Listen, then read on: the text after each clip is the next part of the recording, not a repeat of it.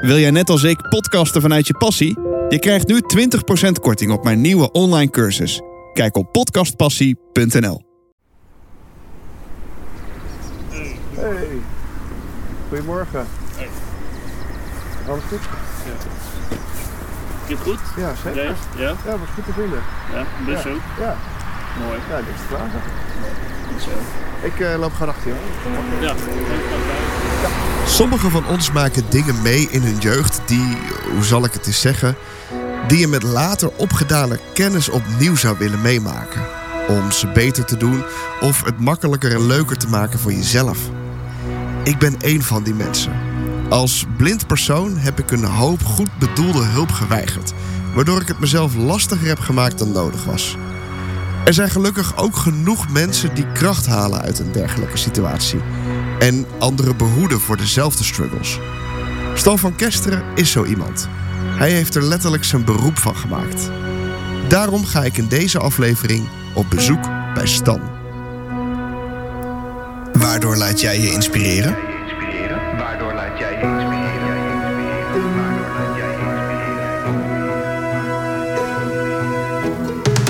Mijn naam is Ferry en als podcastmaker hou ik van inspirerende verhalen.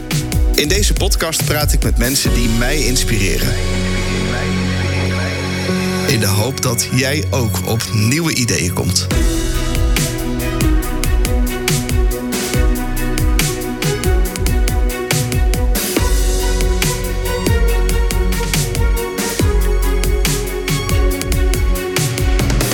Ik heb Stan in 2018 leren kennen via een tv-pilot waar we samen aan werkten.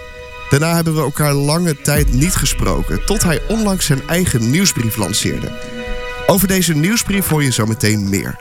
Maar door deze nieuwsbrief besefte ik me dat Stan en ik meer gemeen hebben dan ik in 2018 vermoedde. Ik werd nieuwsgierig. Nou, ik ben eh, Stan van Kesteren. Ik eh, woon in Deventer samen met mijn vriendin Carmen en mijn eh, kat Noortje. En ik werk als communicatieadviseur bij een onderwijs- en zorgorganisatie voor dove en slechthorende kinderen en kinderen met een taalontwikkelingsstoornis. En daarnaast in mijn vrije tijd eh, ben ik bezig met het schrijven van nieuwsbrieven en een boek over slechthorendheid op het werk. En eh, eh, dat laatste is ook je hobby, of heb je andere hobby's die je, waar je je vrije tijd mee doorbrengt? Nou ja, ik lees graag. Dus vooral literaire non-fictie. Dat vind ik erg fijn. Dus verhalende non-fictie eigenlijk. Ehm nou, en ik kijk graag eh, Netflix-series. En, eh, Wat is het laatste wat, je, wat je gelezen of gezien hebt? eh, nou, ik ben nu ehm, het Pijnstiller Imperium aan het lezen. Dat is, dat is een boek over ehm, de oxycoton-crisis in Amerika. Dat is een verhalende non-fictie over de, de Sackler-familie. Dat is eigenlijk een familie die ehm, in, in New York en in andere grote steden en in musea eh, haar naam heeft verbonden aan filantropische instellingen. Dus eh, zodat musea eh, aparte hallen met kunst bijvoorbeeld kunnen, kunnen financieren. Maar dat geld dat zij verdiend hebben, dat komt eigenlijk vanuit de, eh de oxycoton verkoop. Dus de, die, die ernstige pijnstillers, waardoor mensen ook verslaafd zijn geraakt aan heroïne en dergelijke. Als ik je goed begrijp, dat geld is, waar dat geld vandaan komt, is niet oké. Nee, nee. En dat is een rel geworden of zo? Of hoe? Ja, de, zij, zij, ze liggen nu, er zijn er rechtszaken om, eh, om hen aan te pakken, zeg maar. Oké, dus dit is ook nog actueel ook. Ja, het is redelijk actueel. Ja, het zijn nu eh, dus al die, die vleugels van musea waar dan hun, eh, door hun gefinancierde kunst zien. Mhm. Al die namen zijn daar weggehaald. Omdat ze nu ontzettend in opspraak zijn gega- gekomen eh, door dit verhaal. Hoe heette dat, zei? De pijnstiller? Het Pijnstiller Imperium. Zou je het spannend willen noemen? Eh, ja, er zit zeker eh, goede spanningsopbouw in. Dus dat vind ik ook wel mooi. Als je dan non-fictieboeken hebt, maar die zo verhalend zijn dat je er bijna in meegezogen wordt als, als, alsof het een roman is, zeg maar. Jij zei net dat je eh, in je vrije tijd nieuwsbrieven schrijft, bezig bent met een boek. Ehm, dat je werkt voor een onderwijs- en zorginstelling voor jongeren en kinderen die slechthorend en doof zijn, zei je, geloof ik. Ja, slechthorend of doof, eh, of een taalontwikkelingsstoornis. Ja. Hoe ben je daar gekomen? Nou ja, goed, ik ben zelf slechthorend. Eh, daar ben ik eh, mee geboren. Ehm, en daar heb ik eigenlijk een hele lange tijd helemaal niks van willen weten. Dus toen ik op de middelbare school zat, toen wilde ik helemaal niet praten over slechthorendheid. En daar is op een gegeven moment een omslagpunt gekomen toen ik wat meer vastliep daarin. Dus dat ik merkte dat ik eigenlijk heel vaak moe was en dat ik eh, me toch niet altijd eh, helemaal thuis voelde eh, in, de, in de vriendengroepen bijvoorbeeld. Ehm, ja, en toen ben ik eigenlijk andere slechthorenden gaan opzoeken. Ben ik bij een, een patiëntenorganisatie gekomen, speciaal voor slechthorende jongeren. En ja, daar heb ik eigenlijk heel erg mijn plek gevonden. En heb ik veel meer ehm, kennis opgedaan over mijn eigen slechthorendheid en hoe ik daarmee kan omgaan. Hoe oud was je toen? Ja, toen was ik al 23. Oh, wauw. Ja, ja dus het, is best wel, het heeft echt wel heel lang geduurd voordat ik iets mee eh, gedaan heb. Ook al was ik eigenlijk al zo lang slechthorend. Maar Ja. Ja. Wat, wat ik dan wel interessant vind, die tijd daarvoor, zeg maar. Ehm, eh, ik heb zelf een vergelijkbare ervaring toen ik eh, blind werd op mijn 23ste, toevallig ook toen ik 23 was. Ehm, dat ik daarvoor inderdaad heel erg heb zitten worstelen en zo. En, en ik kan me voorstellen dat het voor jou vergelijkbaar is. Dat je ergens tegenaan loopt waar je eigenlijk niet mee wil dealen. Herken je dat? ja, zeker. Ja. Je wil gewoon eigenlijk hetzelfde zijn als de rest. Ja. En je hebt die, in mijn omgeving had ik niet iemand anders die eh, ook slechthorend was. Of een andere beperking had eigenlijk. Dus je vergelijkt je, je spiegelt je met de mensen om je heen. Eh, en, en zo wil jij je leven ook leiden eigenlijk. Ja. Dus jij wil ook eh, en naar school gaan en, eh, eh, en daarnaast een bijbaantje hebben en vrijwilligerswerk doen en sociaal leven erop nahouden. Dat wil je allemaal tegelijk kunnen. Maar eigenlijk is dat gewoon niet heel realistisch. Maar je probeert het wel, want je, je wil er gewoon erbij horen. Je zei net al dat je je niet, niet op je, dat je je niet thuis voelde in de vriendengroepen, zeg maar. Of ja, dat je moeite had om aan te sluiten, denk ik. Zit daar dan ook nog frustratie bij of zo? Of zit daar, hoe uitte zich dat? Ja, ik denk dat daar zeker eh, ja, ook wel bepaalde frustraties zat. Ik denk dat bij mij het grootste issue was dat ik me gewoon best wel onzeker voelde of zo. Dus het was niet zo dat ik eh, dingen kort en klein eh, sloeg of zo. Maar het was meer dat ik me eh, wat onzeker voelde en me wat vaker terugtrok, zeg maar. Jij werd stil. Ja, ja. Trok eigenlijk juist, eh de, de keer dat juist eigenlijk in mezelf, zeg maar. Eh, en ja, dat, eh, ja, daar liep ik gewoon onwijs op vast. Dus ik merkte gewoon dat dat, ja, dat, dat ik, ja, dat ik me minder waardig voelde, ook soms dan andere mensen. Eh, ja, dat is wel op een gegeven moment ben ik daar hulp voor gaan zoeken en naar een psycholoog gegaan. Maar die stap is toch ook heel groot. Ja, die stap is best wel groot. Om te erkennen dat je je minder waardig voelt. Ja, absoluut. Ja. Ja. Want als je 23 bent, dan heb je je puberteit achter de rug. Je bent aan het nadenken over de toekomst. Ehm, kan je je zeg maar terughalen op welk moment voor jou de omslag was? Is dat een situatie waarin je dacht, nou kan het niet meer langer of zo? Of, hoe- bijvoorbeeld toen ik, eh, toen ik blind werd, kan ik me echt een moment herinneren dat ik dacht, oh maar dit, dit kan echt niet meer. Ehm, dat ik, eh, ik, ik heb nog heel lang gefietst. En ik ben toen op een gegeven moment over zo'n prachtig fietspadpaaltje heen geklapt. Voor de kop geslagen, tand door mijn lip, eh, broek kapot, kleding kapot, fiets naar de galamiezen. En ik fietste daar al, al een paar jaar en ik dacht, waarom staat dat pokker fietspad, fietspadpaaltje daar nou? Wie zet dat daar nou neer? eh, boos naar de gemeente gebeld en eh, een verhaal gedaan. Ik mocht de rekening van de fietsenmaker opsturen. Heel coulant. En ik word drie weken later teruggebeld. Ja, sorry meneer Molenaar, ik vind het heel vervelend om te zeggen, maar dat paaltje dat stond daar al 40 jaar. ja. En dat ik toen het besef had dat ik denk, Ja. die vorige honderd keer dat ik daar langs gefietst ben, heb ik dus puur geluk. Ik heb nooit gezien Ja. dat dat ding daar stond. Ja, toen ging er een lampje branden van, oh wacht. Ik, ik denk, wat heb ik nog meer niet gezien, joh. Dit is, ja. Toen, Ja. toen, dat, dat was, dat is wel een moment dat ik denk, oh, toen ging er een knop bij mij om, zeg maar. Dus vandaar Ja. dat ik benieuwd was. Dat is wel echt een heel duidelijk moment. En ik denk dat het bij mij wat veel geleidelijker ging of zo.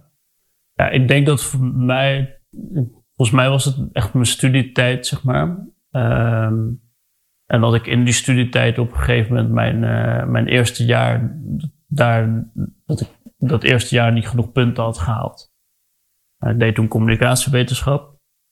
Ehm, ja, en ik was eigenlijk ook niet zo heel gemotiveerd om, eh, om te studeren. Ik haalde die punten niet. Ehm, nou ja, daar, ja dat, dat was wel het moment dat ik dacht van ja, daar, daar moet er ook iets mee, zeg maar. En wat heb je toen gedaan? Ja, het is denk ik dat ik toen naar een psycholoog ben gegaan. Maar ik moet zeggen dat dat best wel. Dus dat het niet van de een op de andere dag was. Van oh, nu, nu eh, is er een bepaalde gebeurtenis en nu moet ik echt iets mee gaan doen. Ja. Ik denk dat het ook wel mee te maken heeft dat. dat eh, mijn beperking is natuurlijk al van jongs af aan, van mijn, vanaf mijn geboorte. Dus voor mij was het iets dat erbij hoorde, zeg maar, dat, dat ik gewoon heb. Ehm, en waar ik me helemaal niet zo heel erg bewust van was. Ik ging denk ik ook in eerste instantie helemaal niet zo naar een psycholoog vanwege mijn slechthorendheid. Dat was meer mijn onzekerheid en, en, en eh, vermoeidheid en eh, het vergelijken met anderen. Maar ik had helemaal niet zo door dat mijn slechthorendheid daar zo'n belangrijke rol in speelde. Dat, dat is eigenlijk pas, dat, dat zaadje is pas geplant toen de psycholoog zei van goh, eh, die had volgens mij een vergelijking met, met haar eigen kind. En haar eigen kind had volgens mij dyslexie. En die had daardoor best wel moeite met, uh, met bepaalde dingen in onze maatschappij. Dat je toch veel, uh, toch veel moet lezen en zo. Um, en die gaf aan, ja, van ja, het kan misschien best wel helpen als je andere mensen tegenkomt die hetzelfde hebben als jij. En dat is eigenlijk het moment waarop ik ben gaan zoeken naar van, goh, wat zijn daar dan voor mogelijkheden voor? Zijn er uh, organisaties waar jongeren zitten die ook slechthorend zijn? Toen ben ik bij, uh, bij de vereniging SA Jong gekomen. En daar zaten, ja, daar zaten jongeren van uh, 12 tot en met uh, 30 jaar. Ehm, nou, dat waren gewoon onwijs leuke activiteiten om te doen. Want wat deed je daar zoal dan? Wat voor activiteiten moet ik dan aan denken? Nou, het kon wel eigenlijk van alles zijn. Dus we, we, gingen volgens mij dat, dat eerste weekend dat ik daar was, hadden we een uh, kookworkshop. Nou, ik hou helemaal niet van koken, daar niet van. Maar dat was vooral heel gezellig. Uh, maar dan gingen we ook uh, volleyballen. En, uh, ja, weet je, vaak sportieve activiteiten of wat creatieve dingen. Ehm, ja, het was altijd gewoon onwijs gezellig vooral. ja, leuk gewoon met andere jongeren samen iets doen, op pad zijn. een weekend, het was ook echt een weekend in, een, in een soort vakantiehuis waar je dan ook bleef slapen, overnachten. Dus dan s'avonds spelletjes doen en een borreltje erbij. Nou ja, dat, dat soort dingen. Dat, dat was gewoon onwijs leuk. Uh, en dan had ik het gewoon heel erg naar mijn zin. En ondertussen wissel je met elkaar dan ervaringen uit. En daar leer je dus onbewust heel veel van. Heb je het ook wel eens lastig gevonden? Want ik kan me zo voorstellen dat je eenmaal jezelf aanleert op een bepaalde manier te leven. En je moet op je 23ste dat roer omgooien. Uh, dat dat ook wel eens lastig kan zijn om nieuwe gewoonten aan te leren. Of, of... Ja, absoluut. Ja, ik denk dat ik daar soms nog steeds wel last van heb. Dat ik het, uh, zeker als ik in nieuwe situaties ben met uh, mensen die ik nog niet ken, dat ik het dan uh, nog best wel lastig kan vinden om aandacht te vragen voor mijn slechthorendheid. Dat het, het is vaak niet het eerste wat ik noem. Ehm, en ja, het, kost best wel wat moeite om je aan te leren dat je het gewoon op het moment dat het ertoe doet, dat je dan zegt van goh, ik ben slechthorend, zou je het nog een keer kunnen herhalen. Ja. Maar daarmee maak je wel heel veel duidelijk voor mensen. Dus het is echt wel, uh, het is echt wel een omslag geweest om dat, om dat wel te gaan doen, zeg maar. Heb je het gevoel dat je het leven gehackt hebt? het leven gehackt? Nou, dat vind ik wel heel, ja, volgens mij leer je altijd wel weer nieuwe dingen. Maar ja, voor mij heeft het wel echt een groot verschil gemaakt. Dus het, is wel, het is wel voor mij een voor- en een, en een na-SA-jong, zeg maar. Is het voor jou nog steeds een, een dagelijkse uitdaging? Of is het iets dat ook wel, nu je, er mee, nu je er beter mee hebt leren omgaan, iets dat af en toe eens lekker naar de achtergrond kan? Oh ja, dat zeker. Het is wel veel vaker uh, dat het helemaal geen issue meer is. Um, ja, ook doordat je hulpmiddelen inzet, want dat deed ik bijvoorbeeld ook helemaal niet. Ja. Dus ik, heb, ik heb altijd een hoortoestel gedragen, maar ik deed verder geen andere hulpmiddelen. Dus en door dat in te zetten is het opeens veel minder relevant geworden. Ja. heb je er dus uh, ook veel minder last van dat je slechthorend bent. Je hebt ook meer energie over, denk ik dan. Ja, ja, zeker. hey, ehm hoe oud ben je nu? Eh, ik ben eh, 31. Het is acht jaar geleden. Ja. Ben je gelukkig? Eh, ja. Ja. Ik ben gelukkig, ja. Zou je die tijd met de handgrepen of handvatten die je nu hebt nog eens over willen doen? Nou ja, ik denk dat ik wel heel veel gehad zou kunnen hebben als ik eh, op de middelbare schoolleeftijd. Als ik dan ook andere slechthorenden had gekend. En dat me dat mijn leven wel wat makkelijker had gemaakt. Ja. Dat ik dan had kunnen zien van, goh, je hoeft het niet te verbergen. Je hoeft het niet te verstoppen. Je kan er gewoon ook open over zijn. En het is niet erg om eh, nog een keer te vragen, wat zeg je? Als je iemand niet goed hebt verstaan. Ehm, ik denk dat me dat wel onwijs had geholpen. Maar aan de andere kant denk ik, ja, wat, wat, hoe het nu is gegaan, heeft me ook veel gebracht, zeg maar. Het zorgt voor mij ook voor motivatie om eh, juist slechthorende jongeren bijvoorbeeld eh, te helpen. Even een minuutje hoor. Want ik hou van goede gesprekken en ik vertel en luister graag naar goede verhalen. Dat is ooit het vertrekpunt geweest van deze podcast. Mijn passie voor het praten met mensen. Lijkt je dat nou ook wat? Podcasten vanuit jouw passie? Dan heb ik nieuws voor je, want ik ben een online cursus aan het bouwen die dit precies als vertrekpunt gebruikt. En als je je daar nu voor aanmeldt, krijg je 20% korting. Want door te podcasten vanuit je passie ben je geloofwaardig, betrokken en kom je enthousiast over. En dat zijn hele stevige wortels voor een groeiende podcastmaker. Heb je interesse? Meld je dan aan op podcastpassie.nl en pak je 20% korting voor vroege vogels. En begin zodra de cursus online komt in januari. Nogmaals, podcastpassie.nl.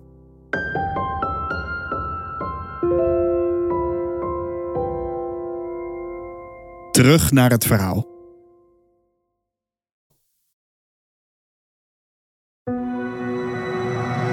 Waardoor laat jij je inspireren? Ja, ik vind het heel tof als je mensen met een beperking hebt. Die eigenlijk eh, in plaats van eh, dat zien als een beperking, dat ook eh, in hun voordeel zien. Dus juist misschien de dingen die ze door een beperking niet kunnen, dat ze daar juist hun kracht van maken. Of juist zeg maar de. Ze hebben een bepaalde beperking, maar daardoor zijn ze sterker in andere dingen bijvoorbeeld. Ik ken een filmmaker, die is doof en die is juist visueel heel sterk. Je, als filmmaker, als filmeditor onderscheidt hij zich omdat hij juist heel erg op het visuele let in plaats van op het auditieve. Eh, en dat, dat soort dingen vind ik dan heel inspirerend. En hoe hij dan ehm, van, bij een fictiefilm gaat hij dus eh, de, gebruikt hij dus het script om te weten wat mensen dan precies zeggen. Ja, dat, vind ik, dat, ja dat vind ik wel heel boeiend. En, ik denk dat hij juist de kracht dan heeft gemaakt van zijn beperking. Wat ik hieruit meeneem is dat je gebruik moet maken van de kwaliteiten die je hebt. Dus als je een beperking hebt die een bepaalde kwaliteit versterkt, dan heb je een voorsprong. Ehm, ik moet nu ook denken aan de keer dat ik viral ging, omdat ik wou laten zien dat als je blind bent, je ook kon volgen. Grappig natuurlijk. Ze zijn niet voor niets allemaal van internet af. Prachtig voorbeeld van hoe het dus niet moet.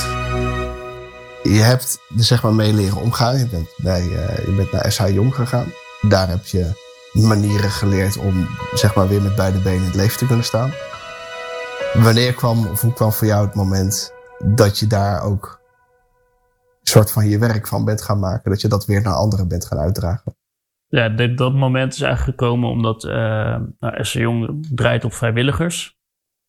Ben op een gegeven moment uh, activiteiten gaan organiseren voor Jong. Omdat daar, daar was vraag naar. Was toen ook een functie uh, voor junior bestuurslid. Dat leek me gewoon leuk om te doen.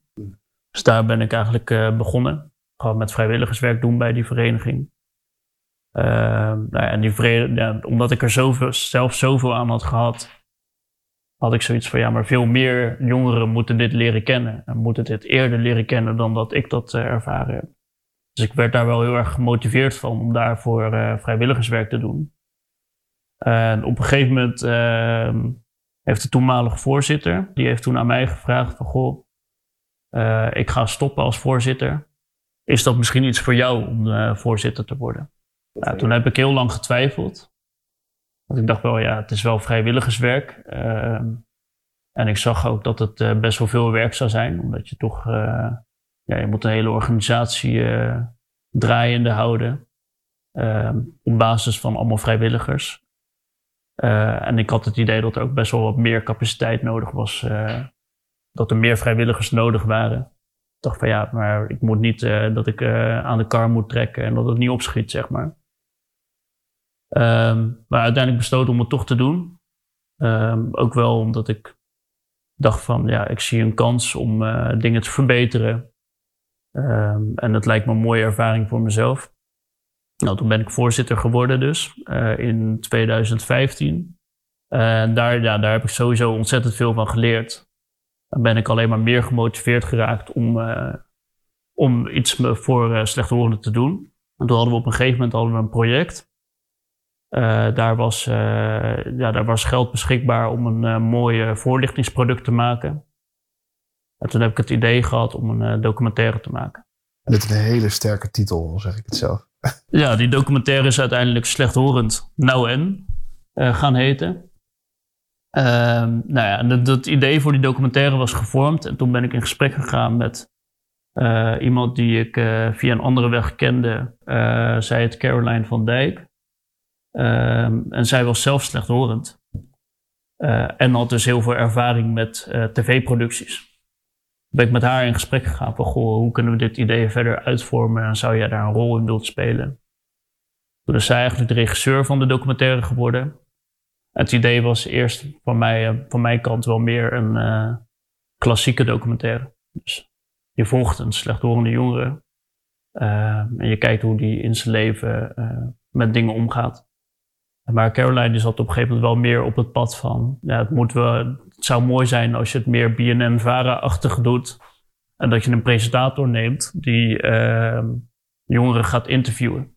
En ze kwam op een gegeven moment de vraag, ja, zou jij dat willen doen?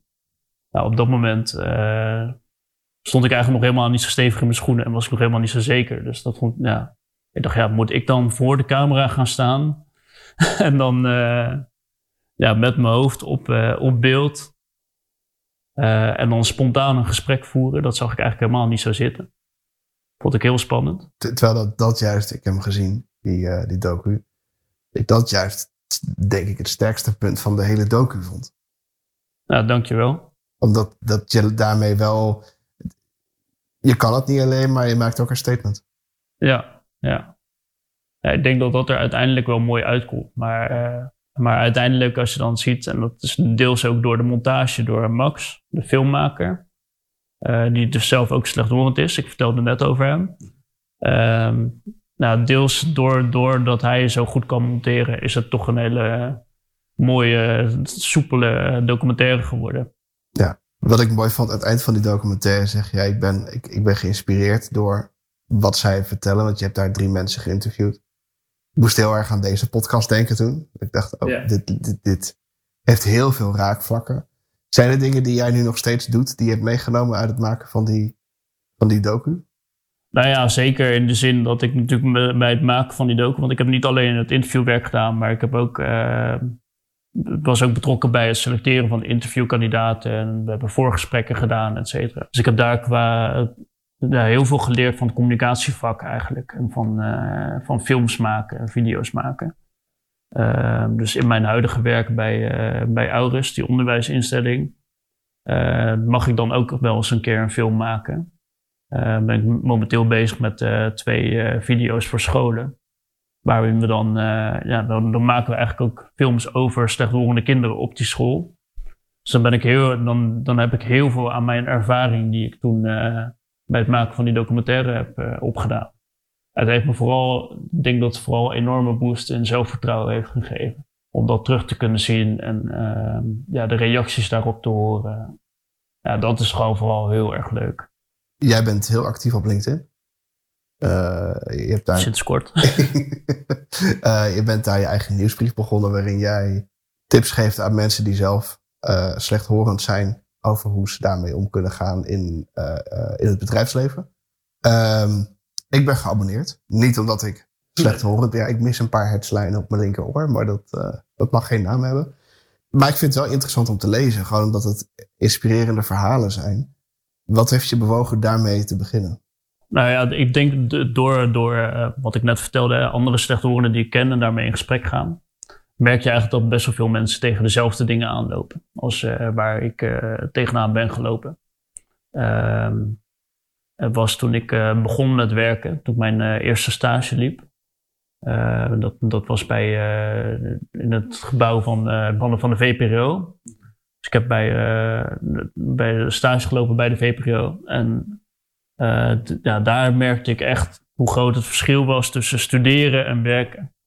Dus studeren, eh, je, je hebt je boeken en je hebt je, je lesmateriaal.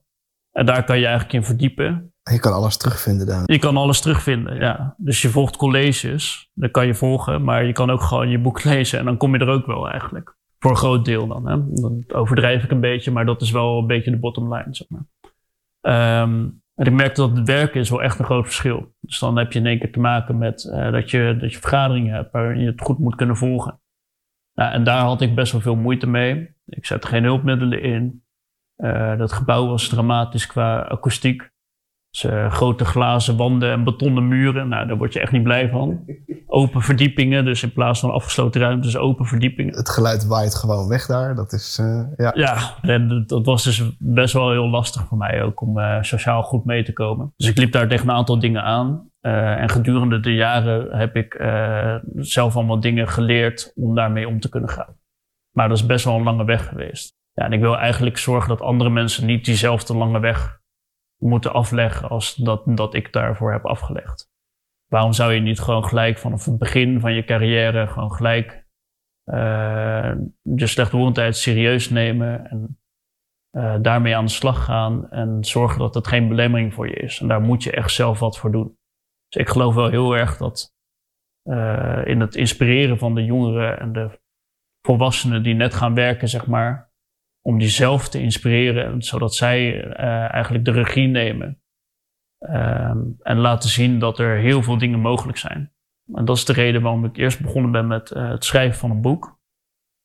Eh, en op een gegeven moment dacht ik van ja, ik ben nu een boek aan het schrijven en dan ben je al die informatie aan het verzamelen. Maar ik dacht nou, dat is zo leuk. Ik wil eigenlijk al dat delen met de rest van de wereld. En delen met andere slechthorenden. Kijken hoe ze daarop reageren, wat ze ervan vinden.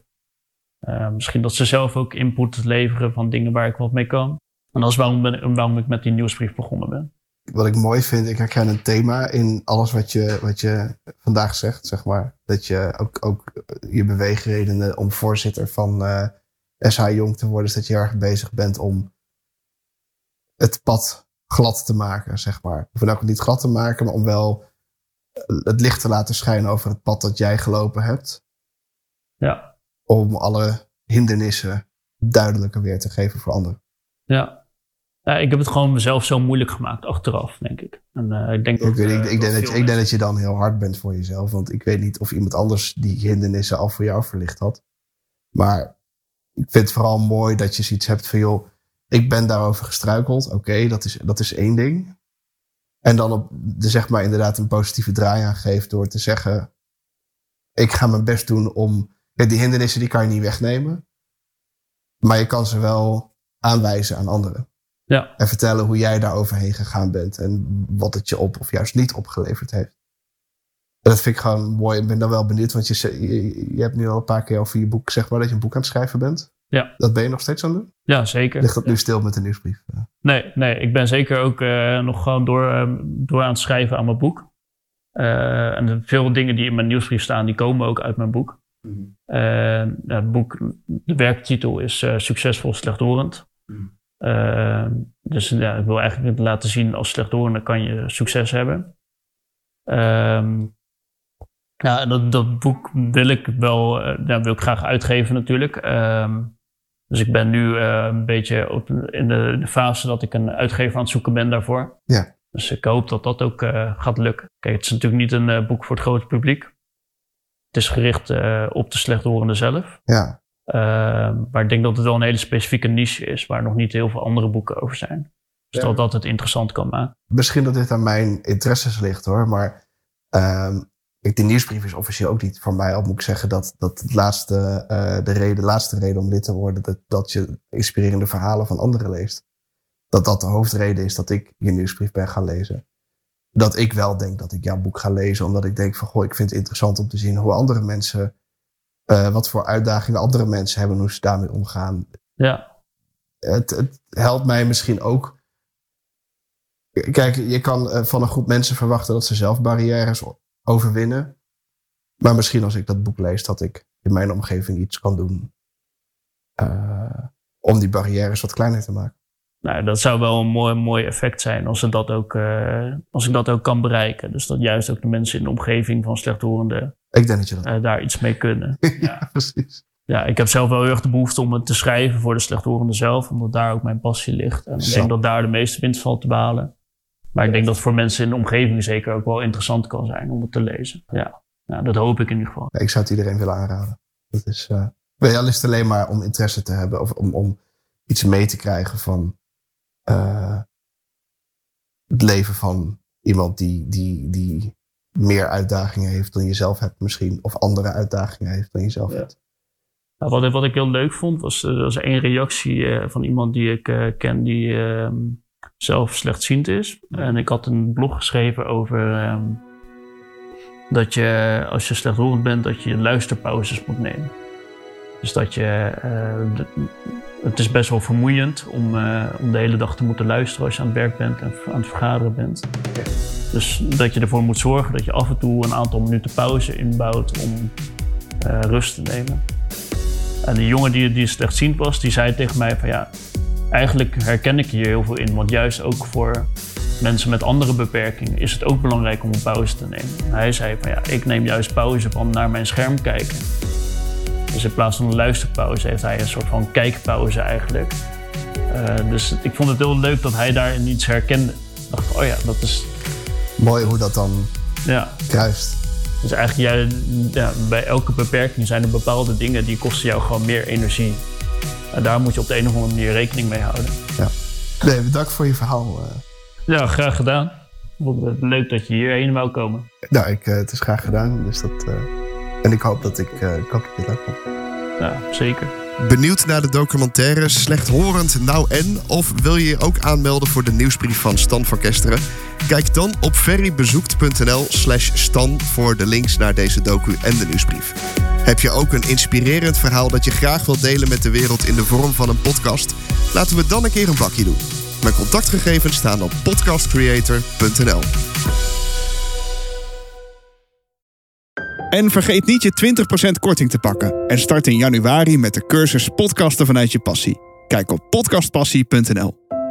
Tot zover dit bezoek. Vond je hem leuk?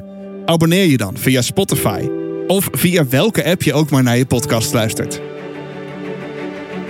Het maken van deze show kost tijd en geld, maar ik doe het met heel veel passie en plezier. Je zou me wel enorm helpen als je een fooi wil achterlaten. Hiermee koop ik mijn treinkaartjes of je draagt bij aan de productiekosten van deze show. Kijk op ferrybezoekt.nl. Alvast bedankt en tot het volgende bezoek van Ferry.